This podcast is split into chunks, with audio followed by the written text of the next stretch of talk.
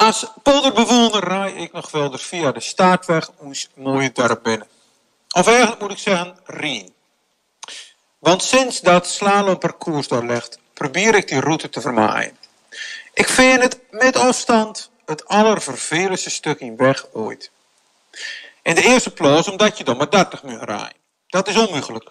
Want als je probeert, dan hou je binnen 2 seconden een of andere psychopaat in je nek aan.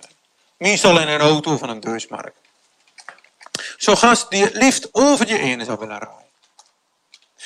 Maar als je denkt, vooruit, ik trek een gas verder open. Nou, dan kun je er weer vergeven op innemen dat oom agent achter een boom klaar staat. Om mond in de rode cijfers te laten eindigen.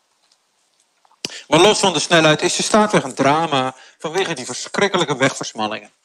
Op papier misschien een goed idee, maar in de praktijk van het Urker dagelijkse leven een groot gevaar.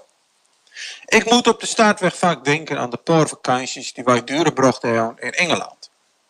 Op het platteland van Yorkshire of Kent of Sussex, daar is het heel normaal dat weggetjes soms zo smal binnen dat je er met één auto net aan langs kunnen. Om de paar kilometer kom je tegelijk terug. En dan moet een of een baan wachten op een breed stukje. Of de berm of de horror zelfs achteruit draaien. De eerste keer dat mij dit gebeurde, zat, me, zat het hart in mijn keel. Ik dacht, wie gaat dit winnen? God die vervelende Engelsman nou aan de kant, of moet ik hier de bittere nederlaag smaken? Kregen we schade? Wordt het vechten?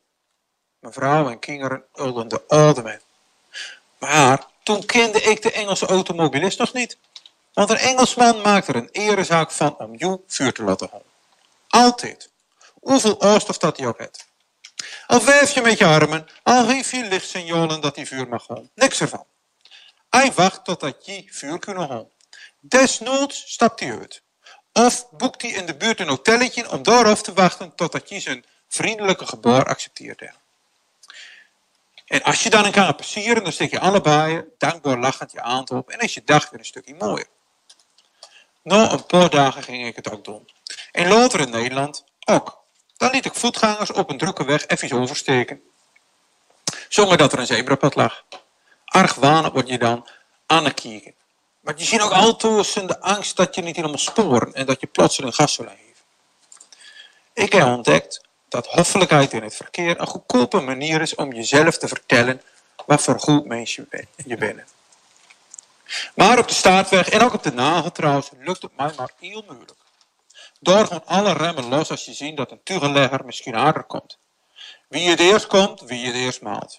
En als je de strijd te wonnen hebt, dan gooi je alweer fanatiek op weg naar de volgende wegversmalling. Van de week verloor ik weer een paar van die staartwegconfrontaties.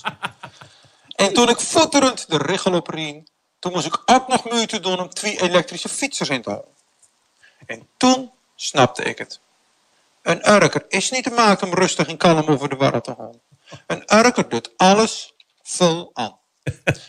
Fietsen, minimaal 20 km per uur.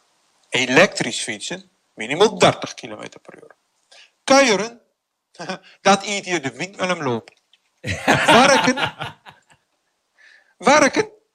Nou, als je 50 uur in de week werkt, dan nemen we dat voor alle dagen. In Japan dat heb ik me laten vertellen, nooit in Japan geweest. Maar in Japan zeggen ze dat je de kost voor 80% vol moet zetten.